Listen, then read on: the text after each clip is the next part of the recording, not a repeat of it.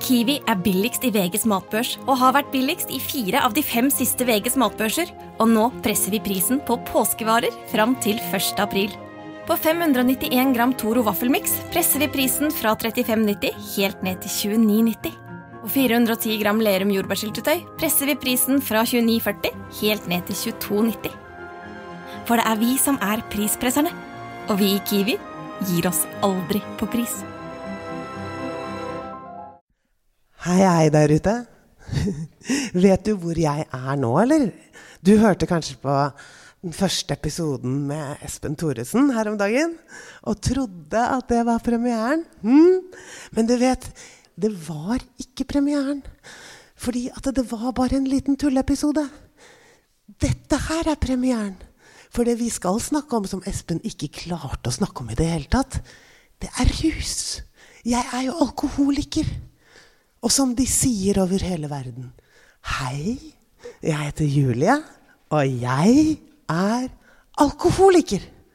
Så det er det denne podkasten som du hører på nå, skal handle om etter hvert. Og vi skal møte mange. I dag, her på Dovrehallen, så skal vi møte mange på én gang. Jeg vet ikke hva alle som sitter foran meg her på Dovrehallen, sliter med. Og jeg tror heller ikke at de vil si det høyt hvis de sliter med noe. Så derfor så skal vi ta oss av meg her på Dovrehallen i dag.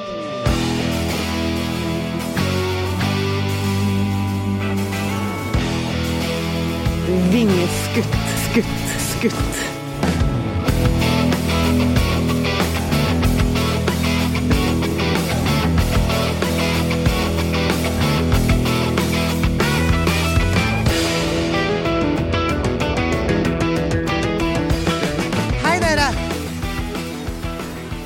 Hørte du det? Jeg, jeg prøver en gang til, så du òg får høre der i bilen eller hjemme eller hvor du sitter. Hei, dere! Ja, det hørte vi. Nå følte jeg meg som en rockestjerne. Nå måtte jeg ta mikrofonen ut, sånn som rockestjerner gjør. Jeg er litt sånn uh, kyss, egentlig. Hei, jeg heter Julie. Igjen sier jeg det nå. Og jeg er rusavhengig. Jeg har vært edru i er det, jeg, Du skjønner, jeg kjenner noen her. Skal vi høre om noen av de har fått det med seg, eller om de er fulle enda. Hvor lenge har jeg vært edru? Seks år. I seks år. yes! Takk! Men du, jeg har vært edru i seks år. Ikke helt ennå. 21. oktober, er det en dato man husker, eller er det noen her som er åpne Nei, er, jeg vet ikke hva dere er i, i salen her. De skal få slippe å si hva de er. Men dette er en dato man husker. Fordi Når man har drukket i 30 år, sånn som jeg har, så blir det verre og verre og verre. Hvis jeg sier at Prostitusjon er verdens eldste yrke. Er det noen av dere som har hørt det bli sagt noen gang? Svar. Hørte du det? Du har sikkert hørt at prostitusjon er verdens eldste yrke, du òg? Yes? Hvis det er det, så vil jeg påstå at rus er verdens eldste hobby- og fritidssyssel. Altså, ærlig talt. Dette her er så vanlig. Og du, det er vanligere enn man skulle tro. Det vi ser for oss, det er her på Dovrehallen da, så Hvis man ser ut av, på gata her, så ser man jo folk med pappkoppen og bøy i knæra. Men det er ikke vanlig, det er majoriteten, det. Jeg er majoriteten. Jeg kommer fra Frogner. Jeg elsker å si det i denne sammenhengen her. Jeg kommer fra Frogner. Gabels gate 37. Ja, du hører hjemme på det gamle Monopolet. Og jeg har ikke bare bodd der på Monopolet, jeg har også bodd i Bygdø. Jeg har bodd i Parkveien, og jeg har bodd der man skal bo. Så jeg kommer ikke fra en container. Det jeg kan si, er at det blir verre og verre. Når man er avhengig og har denne sykdommen, så går det sakte, sakte, sakte Vi er vanlige kjempelenge. Vi gjør det samme som de andre som fester kjempelenge. Og så begynner bautasteinen å rulle. Og det går innvendig, ikke sant? Det er eh, Det er lenge før folk ser det. Det tar mange, mange år. Så det er den innvendige smerten, egentlig, som gjør at vi stopper. Når, når skjønte du at du var alkoholiker? uh, ja, ikke sant. Det, det, det, det er veldig bra spørsmål. Fordi det er jo en glidende, en glidende, fase. Egentlig, Det er ikke sånn at man skjønner det.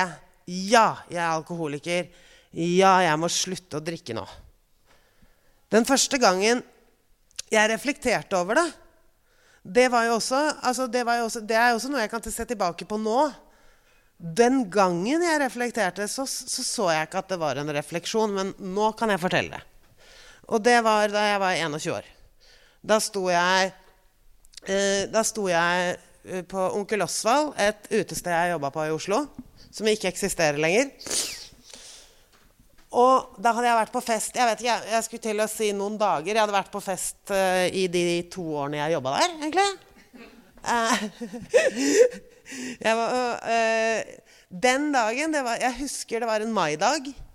Fordi jeg var på uteservering. Og jeg vet ikke, for deg som har jobbet i den bransjen, der uteservering er slitsomt, så man husker de dagene hvis man er fyllesyk. og da da hadde jeg en ganske tidlig vakt til å være meg. Jeg var alltid satt på scenevakter av sjefen, for sjefen visste at jeg likte å feste. Ikke sant? Så litt tidlig, sånn i tretida på dagen Altfor tidlig. eh, og hadde vært på den, den gangens nattklubbsmuge om natta. Eh, etterfulgt av at eh, sjefene stengte nachspiel, og så er man gjerne ferdig i åttetiden om morgenen hjem og sove, og så sto jeg der ute med stekende sol og angst i en sånn kø hvor servitører står for å bestille de varene de skal ha ut til kundene. Og så spurte jeg han foran meg, kollegaen min, du å, Hvor lenge kan vi holde på sånn uh, før det syns, han? Har du hørt, eller? det var det eneste jeg brydde meg om.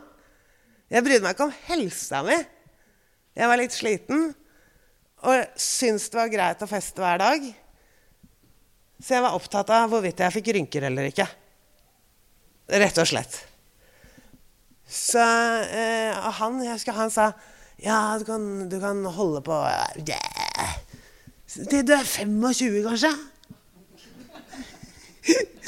og da tenkte jeg yes, da kan jeg holde på i mange år til. Herlig. Selv om jeg hadde all den angsten som fører med der jeg sto. Da ventet jeg bare på at vakten skulle bli ferdig, så jeg kunne ta en oppgjørspils. Ikke sant? Men eh, Ja, så det blir i retrospekt at man eh, opp, Kan man kalle det at jeg oppdaget at jeg var alkoholiker? Nei. Det var første gang jeg reflekterte over egentlig det motsatte. Hvor lenge kan jeg feste så mye som nå? Ikke sant? For for meg Det er jo forskjellig for folk. For noen så Noen trekker seg tilbake. Det er derfor de ruser seg. Mens jeg var the, the party girl on town. På en måte. Og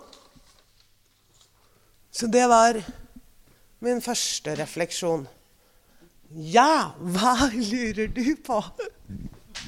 Ja, jeg kommer til å si um, eh, det er jo klart at når du jobber på Osvald, så er det fort gjort og, alkohol er tilgjengelig. da. Men uh, hvorfor tror du det ble verre for deg enn for andre, eller blir det like ille for alle? tror du? Er det noen spesielle forutsetninger fra barndommen eller i mentalt, eller som gjorde at du kanskje hadde litt lettere for, for å få problemer? da? Jeg bare lurte på det. sånn. Veldig bra spørsmål. Uh, det er jo et veldig stort spørsmål som det er mange, mange svar på.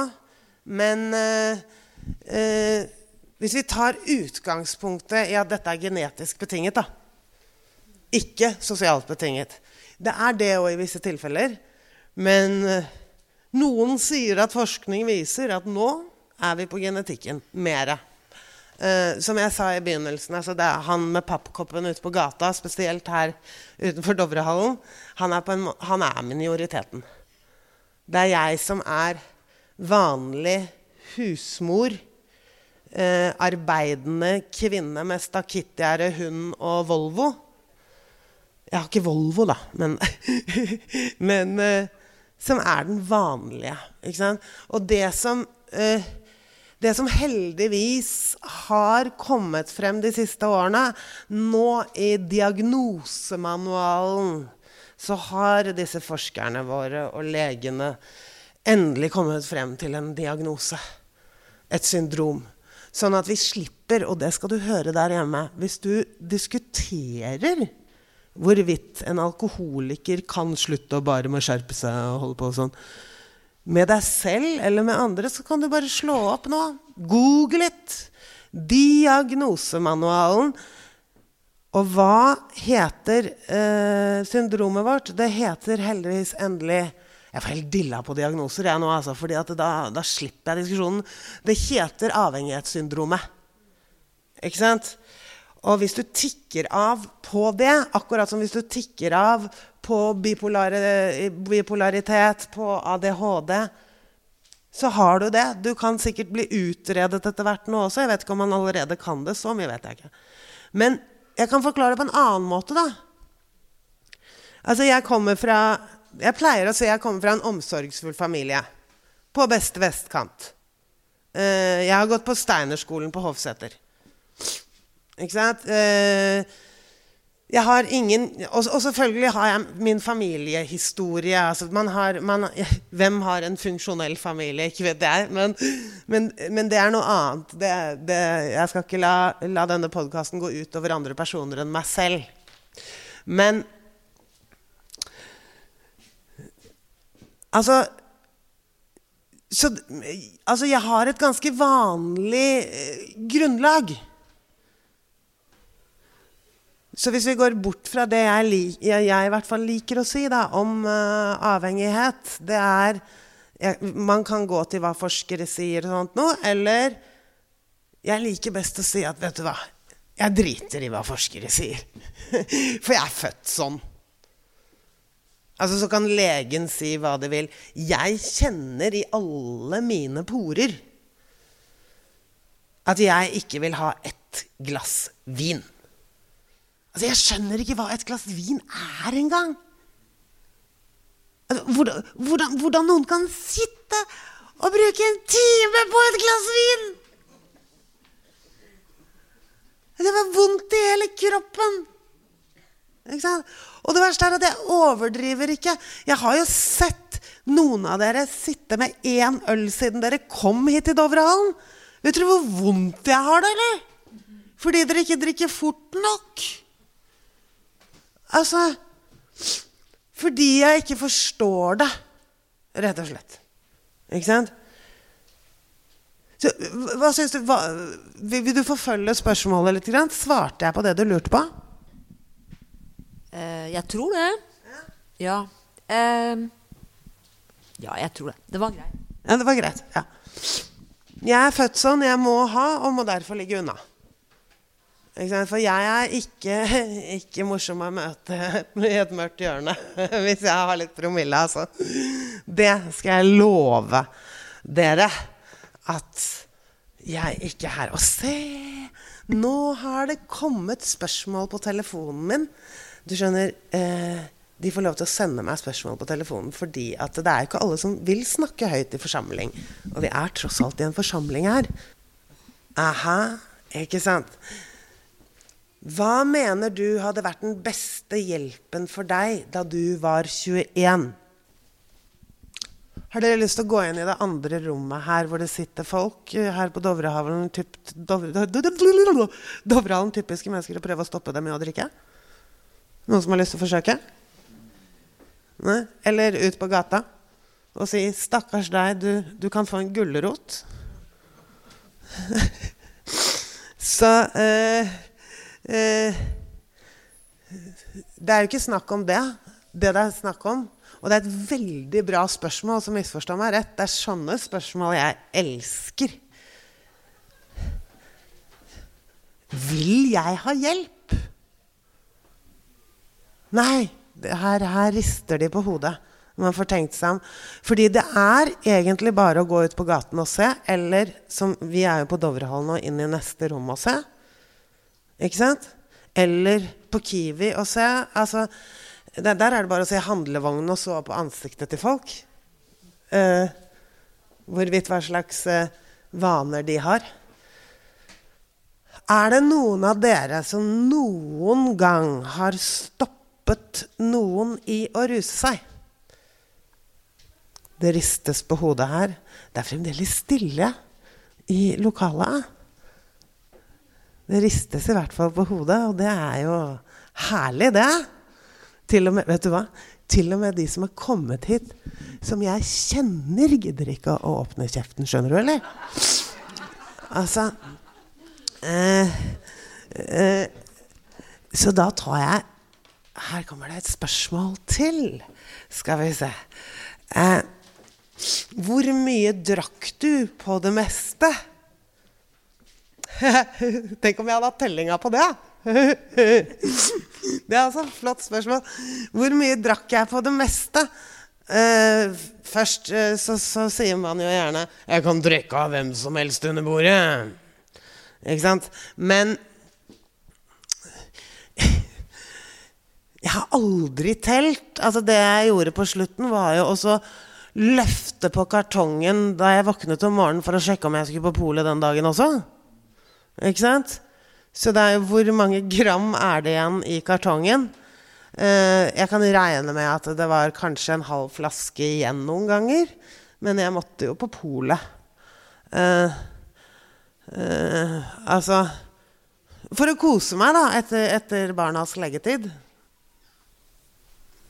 Ikke sant? Så jeg var, jeg var, alene de siste årene jeg drakk. Med barna fordi barnefar var død. Ikke av rus, av kreft. Så det er vel det er mengder. Jeg mener jeg, jeg, tok min første første drink da jeg Min første øl da jeg var 13 år. Så jeg har ikke telt. Jeg har eh, et litt sånn se og hør-spørsmål til deg. Yes, som er litt good. flaut å stille. Ja, bra. Eh, eh, når du ser tilbake, hva skammer du deg mest over du har gjort i fylla? Eller har du mye skam? Eh, nå har jeg jo Og det har jeg tenkt veldig, veldig mye på. For jeg, er, jeg gjør jo så mye offentlig med rus. Ikke sant? Så derfor så, så reflekterer jeg masse over disse tingene. Og, og dette her høres ut som en løgn. Men jeg har ikke noe skam igjen. Overhodet ikke. Det er ikke et snev av skam. Fordi all den erfaringen jeg har nå, den, jeg, den vil jeg ikke være foruten. Fordi jeg gir den videre hele tiden. Ikke sant? Og det gir meg også noe annet. Det gir meg enorm takhøyde for andre mennesker. Jeg så en psykotisk person på, på en trikkeholdeplass for noen uker siden. Og istedenfor å, å se rart Jeg tok meg selv i det at jeg ikke så rart på han. Jeg tenkte Oi, der har vi Stakkars fyr. Og, og, og, så prøvde jeg å kjenne meg igjen i det istedenfor. Man blir litt sånn når man jobber veldig mye med rus. Så selve skammen, den kan jeg 100% si at jeg ikke har. Men hva skammer jeg meg mest over fra fortiden? Eh, jeg kan ta de moralsk riktige tingene og si at jeg har vært slem mot mamma, jeg har vært slem mot ditten, jeg har oversett barna mine uh, og sånne ting. Men jeg har ikke oversett barna mine. Uh, det jeg har gjort, er at jeg har kanskje utsatt dem for krangler om natta som, uh, som kjærestekrangler, ikke sant? Som de ikke husker nå. Det har jeg snakket med dem om. Men, så det skammer jeg meg over. Jeg skammer over hvilke, hvilke ting jeg kan ha lagt i hjernen deres. Som i hvert fall de i forhold til når vi snakker om det, ikke husker selv. Men det ligger jo der. Uh, og så skammer jeg meg over alle de overgrepene Nei, jeg, jeg, jeg, må, jeg, må, korrigere. Jeg skammer meg ikke lenger. Jeg skamte meg over alle de overgrepene jeg har gjort mot meg selv. i fylla. Som forferdelig kjipe one night stands. Eh, alt som har med sex å gjøre. Egentlig også i forhold. Det merker man ikke før man blir edru, men intimiteten, den, eh, den er det ikke lett å få tak i. Og da snakker jeg ikke om eh, sex sånn som Altså klem. Det å snakke sammen og ikke ljuge til hverandre. Ikke sant? Å nærme seg Altså, vi har faktisk Vi som er rusavhengige, har aldri vært nyktre. Fordi at uh, ruspersonligheten, den følger deg jo selv om du har edru perioder. Ikke sant? Uh, du planlegger neste drink selv om du har bestemt deg Eller pille eller hva, strek eller hva du vil ha. Altså, selv om du har bestemt deg for å ha en hvit januar, da. Er det noen som kjenner til hvite januarer her, eller? Dere kan bare avbryte meg når dere vil. Er det noen som kjenner til hvite januarer? Ja? ja. Det kommer alltid en februar. Ikke sant? Det samme som når du, på, eh, når du skal fly til Florida. Er det noen som har, røy, har røyket i sitt liv og må ha flydd, flydd i elleve timer? Huh? Ja. Hva er det som er mest irriterende da? Å vente på bagasjen. Ikke sant? Så, så, så det, hele denne ruspersonligheten vi har, og hele den planleggingen, den ligger der. Og det vet vi ikke når vi er aktive. For det er da vi sier, vi, vi velfungerende, vi sier ja men, ja, ja men, jeg har jo sluttet mange ganger, for eksempel. Ikke sant? Ja, men jeg, jeg, jeg, drikker bare onsdager, fredager, lørdager og kanskje søndag en gang iblant. Altså eh, Det har ikke noe med mengde å gjøre, ikke sant? Det har Så så, så derfor er jo jeg også bare seks år gammel. Mange av de jeg hjelper, er bare babyer. Eh, og, og, og, det er, sant. Virkelig. Ikke sant? Jeg lurer på, Hva var det som utgjorde at du ville slutte? Det, og hvordan visste du hvor du skulle søke hjelp? Yes. Da har vi litt den der glidende overgangen. At de siste årene, de eh, de siste årene de balla på seg uten at jeg merket det selv. Jeg fungerte. Eh, jeg gjorde jobben min. Faren til barna døde, jeg ble alene. Og så kan man si drakk du mer pga. det? Eh, nei, vi drikker ikke mer pga. Uh, tragedier, men vi kan godt bruke, bruke tragediene til å bruke, drikke mer. Egentlig. Og unnskyld til, til deg som lytter at jeg sier drikke. Du kan bare hvis du bruker noe annet, så er det samme drift. Det er veldig viktig å få med seg. Ikke sant? Vi bruker forskjellige midler. Men slå opp avhengighetssyndromet, så ser du det. Det er middel. Så jeg bruker drikke fordi det er mitt foretrukne rusmiddel. Bare sånn at vi har det klart. Eh, ja. Så du kan si en tragedie, det, det ville jeg jo ha brukt. Men det som egentlig fikk meg over stupet, som gjorde at eh, Jeg, jeg drakk f.eks. aldri eh, før barna hadde lagt seg. Men én ting skal være sikkert, og det var at de la seg aldri ett over åtte. de la seg åtte, altså. Og, det, og, der, det har jeg dårlig samvittighet for. At hvis de kom ned trappen 'Mamma, jeg får ikke sove. Kan jeg få noe å drikke?' Så vil jeg være irritert. For da, jeg, da, fikk jeg jo ikke fred i drikkinga mi. Jeg skulle jo ha barnefri etter klokka åtte. Sånne dårlige samvittigheter, ja, det har jeg. Men, men, men så sklei det ut det siste året. Eh, akkurat når vet jeg ikke, det, og det tror jeg har å gjøre med at også faktisk barna ble såpass gamle at de lekte mer eh, selv. For jeg var jo en helt passe god mor ellers. Så de, de, var jo på Legoland og lekeland og ute og bada. Og det, det, er jo til og med om å gjøre å aktivisere barna så man kommer seg gjennom dagen og timene går.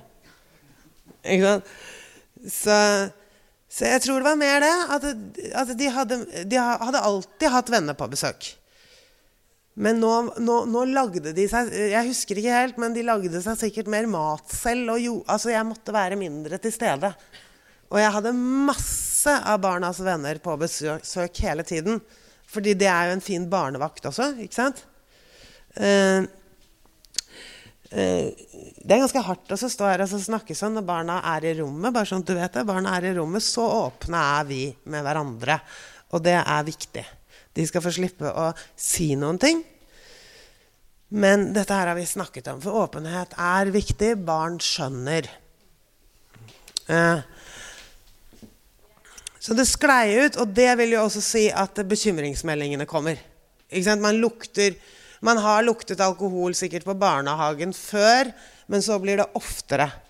Og så kommer barnevernet inn. Og så kommer det enda en bekymringsmelding kanskje fra en nabo fordi man har rulla rundt i hagen midt på natta uten å huske det. eller noe sånt. Og jeg hadde hatt barnevernet. Jeg hadde en sak med barnevernet ganske lenge fordi at faren til barna døde. Og jeg hadde også det, det, det, er en veldig lang historie, så det er ikke, det er ikke så viktig. For det er liksom det er en lang historie, en kjedelig historie. Men jeg, jeg hadde sagt til dem før at, at jeg var alkoholiker, for det kan man nemlig også beskytte seg med.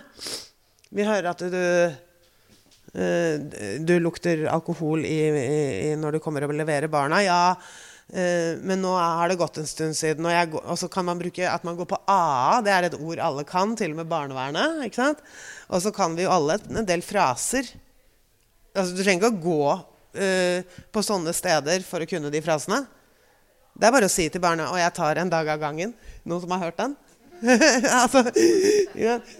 uh, så,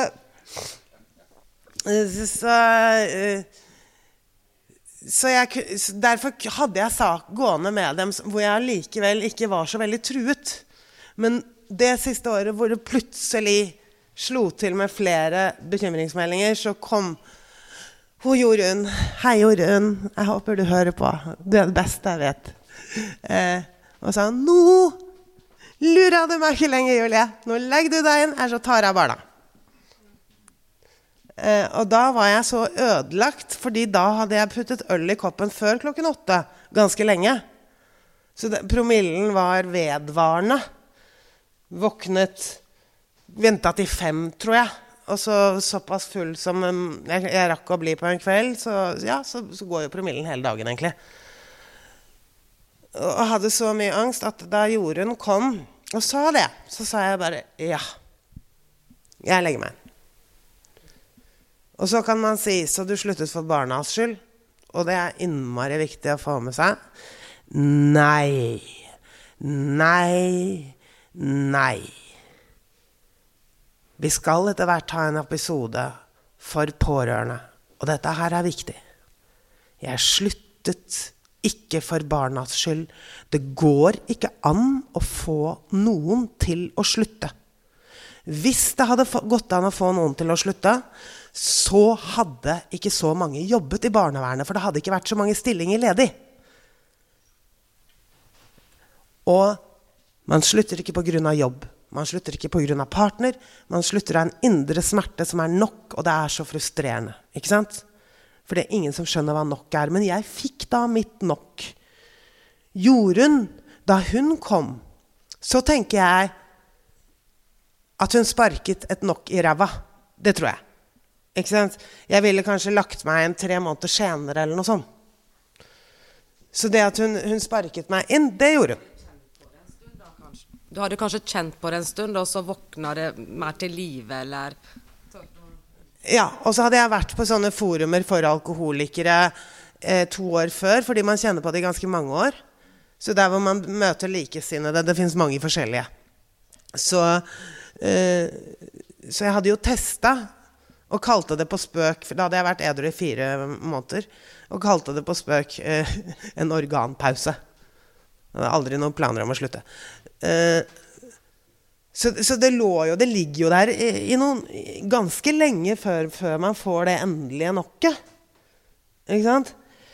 Eh, så derfor, til det første originalspørsmålet ditt Hvordan visste jeg hvor jeg skulle dra? Ja, Det var ikke ruskonsulenten min som visste, og ikke Jorunn. det var på grunn av de fire månedene med likesinnede at jeg hadde hørt et ord blitt gjentatt veldig mange ganger. Trasoppklinikken. Alle som var på disse stedene, hadde vært på Trasoppklinikken. Og det jeg skjønte, det var jo at dette stedet, det har sannsynligvis noe jeg må lære, fordi vi må lære å bli edru. Vi må snu hjernen fullstendig. Og det er en utdannelse å bli edru. Det er ikke noe mindre enn en utdannelse. Du må bruke penn og papir og jobbe. Ikke sant?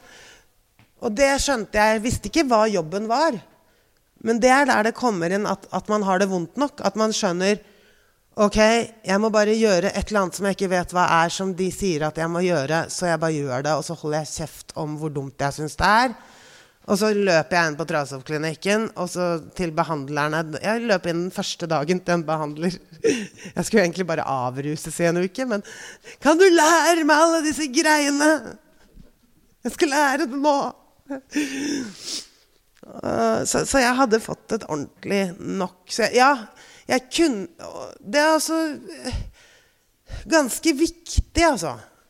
Hvis man skal ut av, av dette her, så må du oppsøke likesinnede. Jeg sier ikke at psykologer ikke hjelper. Jeg sier ikke at ruskonsulentene ikke kan hjelpe til. Jeg, jeg, har ikke noe imot fag, men uten erfaringen til en likesinnet, så får du det ikke til i lengden. Hvor du møter de likesinnede, det er ikke så viktig. Men det må inn, og det, det må også fagfolk skjønne. Altså fordi at du kan komme til en ruskonsulent som ikke sender deg videre til likesinnede. Man må ha begge deler. Jeg hadde ruskonsulenten min, og ikke noe feil med deg, du gjør en kjempejobb, men visste ikke om Trasoppklinikken engang. Ikke sant? Og det er heller egentlig ikke så rart, hvis man tenker seg, for hvor mange klinikker er det i Norge? Skal de, vite, de, de kan ikke pugge all innholdet til alle klinikker. Hvis man skal forsvare det litt også, da. De får ikke nok lønn! Det er ikke nok timer til å pugge alle klinikkene i Norge. ikke sant? Så, så ja. Det var, eh, det var, eh, et langt svar på nokket mitt, som ble sparket. Det gjorde det. Det gjorde det, heldigvis. Jeg har et spørsmål. Um, jeg holdt på å si Når vet man om man selv er alkoholiker? Eh, ganske, ganske lenge før man slutter. Og Eller, ja. Hvor- Nei, hvor går grensen, liksom? Jeg bare tenker på Plutselig har jeg drukket pils tre dager på rad, liksom, og så kan jeg tenke ah, Mm, ja, slitt, ja, nå, er, nå, nå er det ferdig med meg. Nå er det rett inn på Trasopp. ja, ja. Ikke sant? Eh, ja, her kommer vi til deg, den fasiten, som er utrolig frustrerende. Fasit få et svar, få et svar, få et svar. Uh, og det er ikke noe svar på det. Uh, på rus. Men kan, først, før jeg svarer, så kan jeg gi deg definisjonen. Og den er ullen. Skjønner du? Enda mer frustrerende. Det nærmeste vi kommer, er hvis du er til skade mentalt for deg selv eller de rundt deg, så har du et problem. Er du, er du alkoholiker fordi du har det vondt etter tre øl? Nei, men det kan Du er ikke alkoholiker før du drikker utover dine interesser, dine nærmeste og deg selv. Og så ullent er det. Jeg vet det er fælt. Jeg vet det er fælt. Eh, Var du noen gang klar over at de rundt deg gjennomskuet deg? Jeg tenker egentlig ikke på barna, men eh, familie, venner. Ja, det er så viktig spørsmål. Det? Er så viktig spørsmål, fordi at vi tror virkelig at ingen er klar over Vi tror bare vi kan ta en dokk, vi. Eller en frisk. Og så, og så er alt greit. Det er, det er ingen som liksom tenker på at det, Ingen av oss, da, når vi er aktive, som tenker på at det er ikke munnen det kommer ut av, kjære. Det er resten av kroppen. Det er alle cellene i kroppen din det kommer ut av. Svetten det kommer ut av. Du stinker! Ikke sant? Eh, eh, eh, og det tror vi ikke, nei. For eksempel. Vi tror heller ikke at vi er så, har, eh, er så fulle som vi er. Eh, noen ganger veldig jo, jo, altså vi tror, det, vi tror begge deler. Noen ganger så har vi driti oss så mye ut at vi våkner med så mye angst. Altså, vi husker ikke noe, ikke sant? Men du kjenner det på kroppen. Nå, nå er det krise. Nå er det fullstendig Den angsten den er så sterk, og den forteller deg til og med noen ganger om du har vært fysisk eller ikke, selv om du ikke husker det. Du bare vet at det er krise. Jeg hadde en sånn, og da viste det seg Jeg husker det enda ikke. Hvor jeg slo moren min. Det var på bryllupet til broren min. Kan du tenke deg? Hvordan du våkner da. Men så har du alle de andre gangene hvor det går sånn passe bra. Og det er de gangene hvor vi tror at alle er like fulle som oss på fest. Det går ikke opp for deg før man er edru. Jeg var i gullbryllupet til moren og faren min. Og de Og da, da, da, var det jo 50 Jeg vet ikke hvor mange det var. der, Over 50 stykker. Og var, da gikk det opp for meg at det var jo bare Det var ingen som var fulle der. Det merkeligste jeg hadde sett det. Det var én, da uten å nevne navn. Men, yes. så, men vi tror jo det. Og så er det jo masse vi, det, det, er mange ting vi, vi, vi skyver Altså, vi skyver dette bort. Sannheter er ikke noe vi har med å gjøre. Vi har bare med våre sannheter å gjøre. Vi ljuger jo ikke heller. Hvis, hvis du hvis du og jeg skal møtes jeg, øh, mens jeg drikker, da, og du, og du, merker noe på meg, og jeg sier, og spør eh, Ja, Julie, har du drukket i dag, eller? Og jeg sier Ja, ja. Bare, bare et par øl. Hva er det jeg gjør da? Ljuger jeg egentlig, eller beskytter jeg rusen min? Fordi det er det jeg gjør. Jeg beskytter rusen min. Hvis jeg sier sannheten, at jeg har drukket en halv kartong før jeg møtte deg, så kommer jo du til å mase på meg å pese og si et eller annet moralsk. Så derfor ljuger jeg. Ikke sant? Det du kan, eh, det du kan gjøre, er altså cirka I restaurantbransjen igjen altså En matrett du betaler for her, altså kostnaden til den er ganger tre, er det ikke det? Det er det samme, det er det samme med inntak. Så gang det de som ljuger, sier med tre. Cirka. Hvis vi ikke snakker sprit, da. Det blir litt annet. Ja, skal vi, kommer det. Skal vi se, nå skal jeg sjekke litt meldinger her. Du skjønner det at jeg har fått masse fine meldinger nå. Hvorfor er det så vanskelig å slutte? Står det på telefonen min. Hvorfor, hvorfor er det så vanskelig å slutte? Altså Det ligger i ordet avhengighet. Uh, men det er et eget foredrag nesten om hjernen. ikke sant? Så, men, men, det ligger i ordet avhengighet. Altså Hvis du respekterer det ordet, hvis du respekterer at det er et avhengighetssyndrom Verdens helseorganisasjon respekterer det for tiden. ikke sant? Og med respekterer så mener jeg bare forstår, aksepterer at ja, det er det. Akkurat som noen er bipolare. Eller noen har ADHD. Jeg bare kommer på noen få ting akkurat nå. Men eh, derfor er det vanskelig å slutte. Men det er jo vanskelig å slutte å drikke for absolutt alle. Ikke bare for de som er avhengige. Altså Hvis jeg sier 'Å, neimen, så skal du, til, skal du til Spania i to uker? Så koselig.' Får ikke lov å drikke. Ikke, ja, ikke sant? Får ikke lov å drikke en dråpe. Det er veldig få som vil det. Så, så har, og det har jo med belønningssystemet å gjøre, som vi alle har. Og eh, viljestyrke ikke sant? Det har jo var en som sier her i, i, publikum nå Viljestyrke det er sånt som de som ikke avhengig, er avhengige, kan bruke. Jeg, jeg sa vilje. Man har ikke nødvendigvis lyst til å slutte. Altså, man har ikke lyst til å slutte, men, men, akkurat når man er avhengig, så er det faktisk sånn at det, ikke går av seg selv heller å slutte. Uh. Og så er det Jeg lurer litt på hva man gjør for å liksom eh, eh, Hva man Jeg håper å si hva man får tilbake Hva man eh, erstatter rusen med. Jeg mener bare Det kan være litt problemet. Hva, hva gjør man isteden, liksom? Det kan kanskje være litt individuelt òg. Ja, det er det. Det er individuelt, og det er viktig. Det er et veldig viktig spørsmål, fordi at man, man eh, Det oppstår et tomrom. Ikke sant? Et stort tomrom. Det jeg fikk råd om, og som jeg har opplevd selv, er jo uh, at det kommer noe annet i det hullet. Uh, da, jeg, da jeg kom ut fra Trasov-klinikken for å ta meg, da, så uh, da hadde jeg, jeg, jeg hadde faktisk drukket i nesten akkurat 30 år. 13, Jeg husker at festen var på høsten, og jeg sluttet i oktober. Så det var akkurat 30 år. Eh, eh, og Og altså jeg, hadde, jeg hadde spisevegring, eh, spisevegring også. Den trodde jeg jeg var frisk fra. Legg merke til ordet 'trodde'.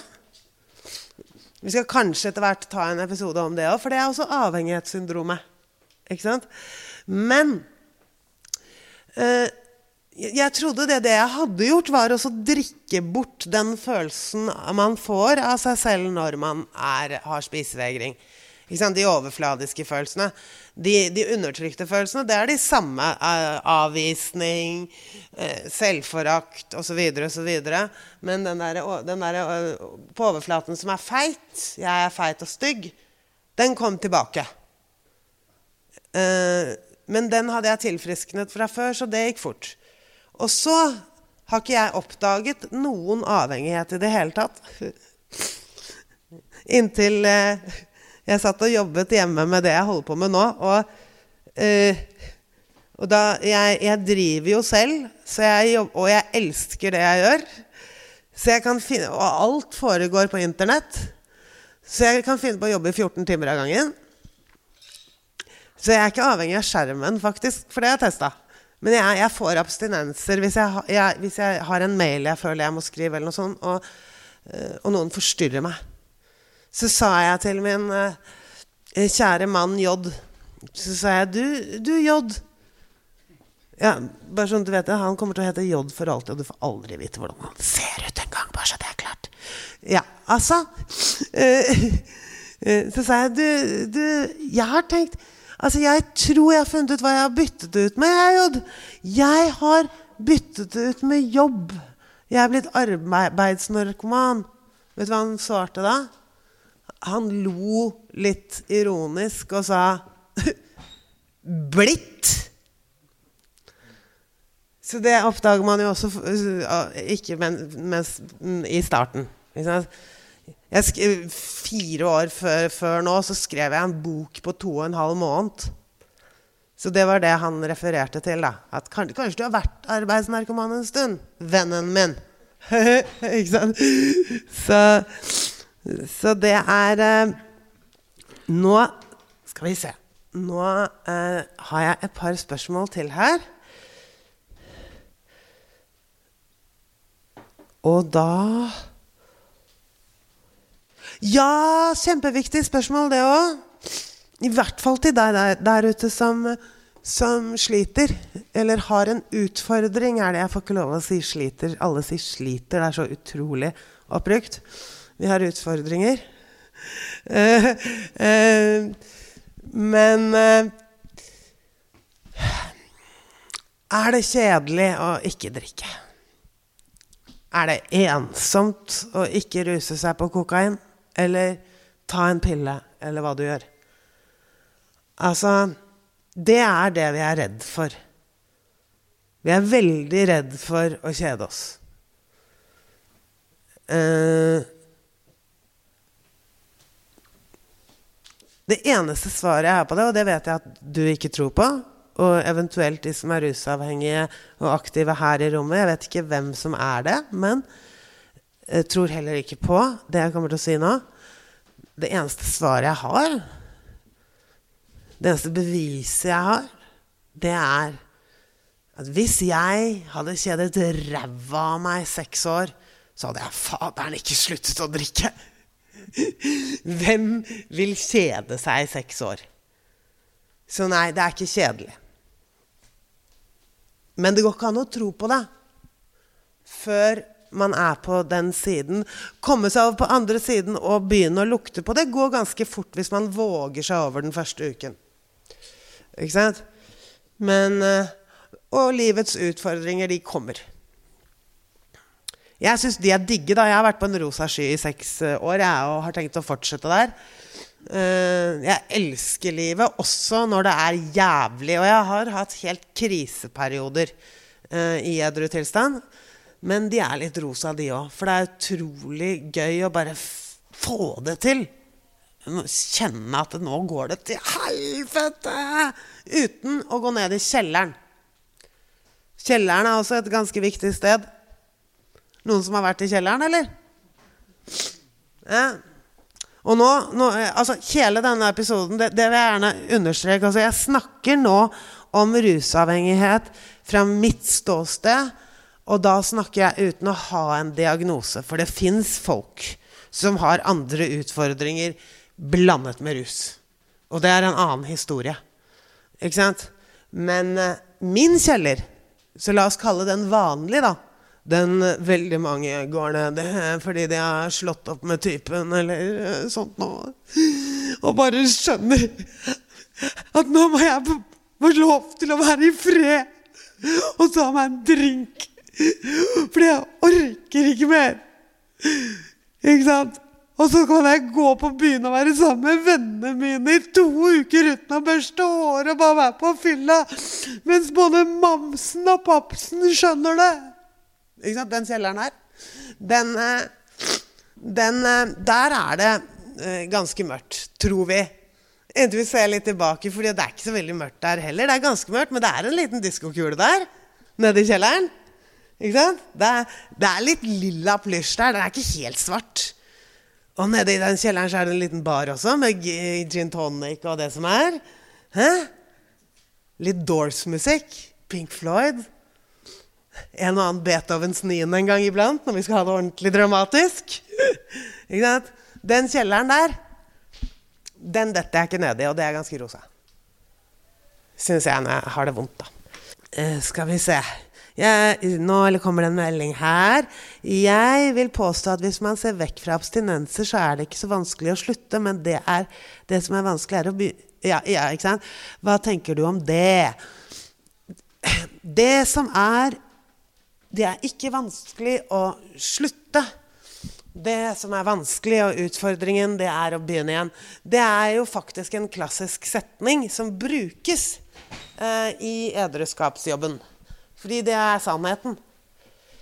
Og da kommer vi tilbake på det jeg pleier å si Hvis du ikke holder kjeft og gjør jobben, så får du det ikke noe bra. Og det gjelder pårørende også. For dit skal vi neste gang. Ikke sant? Hvis du slutter å drikke og går på det som kalles hvite knoker Nå ser ikke du der hjemme de hvite knokene, men du kan se de for deg. Nå har jeg vært edru hele januar. Nå fortjener jeg noe å drikke snart. Eller nå har jeg vært edru i et år. Faderen, altså, dette her går Åh, Det er så vanskelig. De hvite knokene der, de slipper du, men det kreves en utdannelse. Ikke noe mindre enn en utdannelse. Hva er jobben, kan du spørre. Du må faktisk, Det er det som er vanskelig. Du må faktisk oppleve den og gjøre den. Gå inn for å gjøre den, for å skjønne hva den er. Lære den av andre. Men du kan Du får oppgaver av andre likesinnede på en eller annen måte. Bare, nå, snakker, nå, tror sikkert alle at jeg snakker om AA. Jeg gjør det også. Men det er flere måter å få denne jobben på, eh, gjort på. Men den må gjøres. Du, du må vite at dit du går for å få hjelp, der er det læring. Du, det, det, hjelper deg ikke å fly opp og ned fjellet. Det hjelper deg ikke å ligge på gulvet. Hva heter det for noe? Mindfulness. Ikke sant? Det er fint med mindfulness. Jeg sier ikke at det ikke er fint. Flott. Fly opp og ned fjellet, da. Legg deg ned på gulvet og si mm. Men det er ikke jobben. Altså, Andre mennesker driver med yoga og sånn, de også. Det er bare det er bonus, det. Ikke sant? Hjernen må snus. Du aner ikke hvordan hjernen din fungerer. Og du kan ikke drive 'Jo, jeg skjønner meg selv fordi' Du, du har skjønt deg selv på puben! Du må stokke om. Arkivere om. Jeg skjønner ikke noe nytt om meg selv, men jeg har arkivert om. Fordi det lå i feil rekkefølge. Så dritredd for å kjede meg og den tomheten, så jeg fullbesatte dagene mine altså med nye interesser som jeg trodde skulle erstatte det, og gikk rett ned i kjelleren. For jeg hadde ikke tid til å rydde plass til den jobben som var så viktig. Så jeg skjønte ikke hvor viktig det var. Nei, nei, altså, ikke sant? Vi, vi, vi, undervurderer, vi undervurderer den utdannelsen, og det er derfor jeg kaller det en utdannelse. Fordi den må tas. Eh, den hjernen vi har, sånn som den er, den vil ikke eh, være med på å slutte fordi det er et avhengighetssyndrom. Fordi det går av seg selv. Ikke sant? Så nå må vi dere ta med For jeg hadde noen ganske fine spørsmål som ikke har blitt stilt her nå, fra de i gruppa på Facebook. Noen av dere er der, dere òg, er dere ikke det? Ja, den er uh, offentlig. Om trangen til alkohol er sterk enda, den er jo veldig viktig i forhold til det vi nettopp snakket om, da. Bare veldig, veldig kort. Det er det som er å holde kjeft og gjøre jobben. Skjønner du? Hvis du gjør den jobben, så har du ikke trang til alkohol. Hadde jeg kjeda meg, så hadde jeg drukket nå etter seks år. Jeg gidder ikke å kjede meg. Men hjernen min Å ja, du skal kalle det manipulert, ja. Ja, men kall det det. Det er greit. Det bryr jeg meg heller ikke om. Det jeg har gjort, er å få nervetrådene i hjernen min til å skifte bane. Skjønte du hva jeg sa nå? Nei, det gjorde ikke jeg heller for flere år siden. Ikke sant? Så, eh, så derfor må det læres. Og jeg kan ikke få sagt hvor viktig det er. Jeg vet at Trasop holder på med tolvtrinnsmetoden og sånn som AA. da. Så lurte jeg på om du var aktiv på AA, og hva du likte og ikke likte ved tolvtrinna? Ja, og det skal jeg svare på med en gang. Eh, jeg kan masse om AA. Og trase opp drive med tolvtrinn. Ikke sant? Men veldig mange kan mye om AA. Og det er alt jeg kan si om AA offentlig. Ikke sant? Jeg, uh, går jeg der eller ikke? Det har jeg lært, fordi det har jeg hørt på Jeg jobber med så mange rusavhengige. At man ikke har lov til å si om man går der eller ikke. Så da kan jeg like godt, siden dette er veldig offentlig, la det stå helt åpent. Det jeg derimot vet, helt sikkert, fra Trasov-klinikken, som driver med tolvtrinn eller er, Man kan kalle det andre ting òg, men jeg husker ikke hva det er. I og med at jeg kanskje ikke går der. Eh, det, det er kunnskap. Ren kunnskap. Man tror det er helt zen, men det er penn møter papir, sånn at du blir edru. Og det er, det er, det man skal se etter. Om man velger å gå i AA, eller det fins andre steder. Lenkene det kan jeg ikke anbefale, for jeg har ikke gått der. Men, men altså, man må lete Rita Nilsen, som nå jobber på IOGT, ikke sant? Det hun kan, det er the missing link. Rett og slett. Og da kanskje sammen med noe sånt som tolvtrinn. Uh, mest mulig kunnskap er, er, er kjempeviktig. Uh, det jeg jobber med, er også da mest mulig kunnskap ut. Jeg, jeg, har masse, men jeg har faktisk ikke lov til å si det. Uh, det vet jeg om A. Derimot, om jeg vet mer Who knows? Ikke sant? Så skal jeg avrunde med noen uh, meldinger fra deg på Facebook også. De har jo en Facebook-gruppe til denne podkasten her. Eh, så det er bare å melde seg inn i, som allerede har begynt å leve. Så de har også stilt noen spørsmål. Hva gjør jeg eh, Er dette et spørsmål dere også? Hva gjør jeg hvis barna mine kommer på galeien? Nå har jeg nettopp sagt at det ikke går an å hjelpe, som vi skal ta opp i neste episode.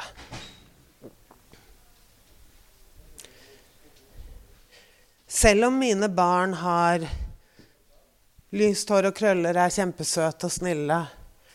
Kan jeg stoppe de noe mer enn han der ute på gata? Jeg tror jeg lar den, jeg. Henge i lufta til neste gang. Og så skal dere få lov til å høre hvordan jeg sa ha det til rusen. For det er også en oppgave. Det er en liten oppgave. Man blir ikke edru av den oppgaven her, men det er en morsom oppgave man må gjøre. Dette er altså mitt avskjedsbrev til rusen. Kjære deg. Jeg har gått og kvernet på noe en stund, og for å være helt ærlig faktisk i noen år. Så nå må jeg bare si det til deg. Jeg syns bare ikke vi fungerer lenger. Det er rett og slett best at vi går, går hvert til vårt.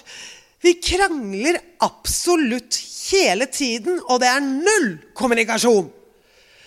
Hver gang vi skal kose oss, tenker jeg å, i kveld skal det gå bra. Vi skal kose oss, kanskje se litt på TV, gå gjennom Facebook. Kanskje til og med venninna mi kommer en tur på besøk, så kan vi sitte på kjøkkenet og skravle og ha det fint. Men sånt skjer bare ikke lenger. Ta eksempel maten vi skulle ha spist. da. Den blir bare liggende i kjøleskapet og helt glemt. Praten blir bare vås, og du kødder med huet mitt. Når jeg tenker meg om, så surrer du meg rundt lillefingeren hele tiden. Du er faktisk en jævla manipulerende drittsekk, og du kommer til Og du skal være med på absolutt alt! Herregud, sånn skal det bare ikke være. Man skal ikke gjøre alt sammen. Kose oss på ferie sammen med barna. Er du helt dust, eller? En gang for alle. Du skjønner ikke barna mine. Du er faktisk helt degenerert når det kommer til sånt. Ja, ting var kanskje hyggelig før. Til tider. Men nå er det nok. Du har tasset rundt bena mine siden 1983. Herregud, ditt jævla plaster! Én ting skal sies. Jeg har det faktisk veldig bra når du ikke er til stede, så dette skal du nå få banka inn i skallen. 4. januar kommer jeg hjem. Da skal du være ute av huset. Å, bare ikke prøv deg. Du har nok av sofaer å ligge på. Takk for meg.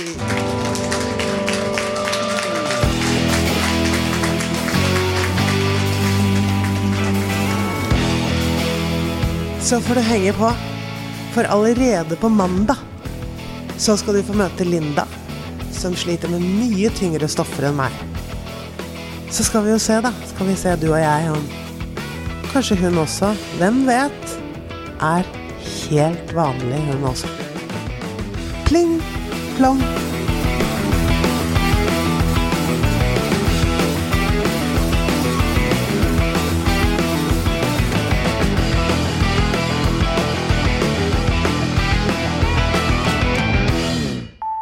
Podkasten er produsert av Tid og Lyst. med støtte fra Ekstrastiftelsen.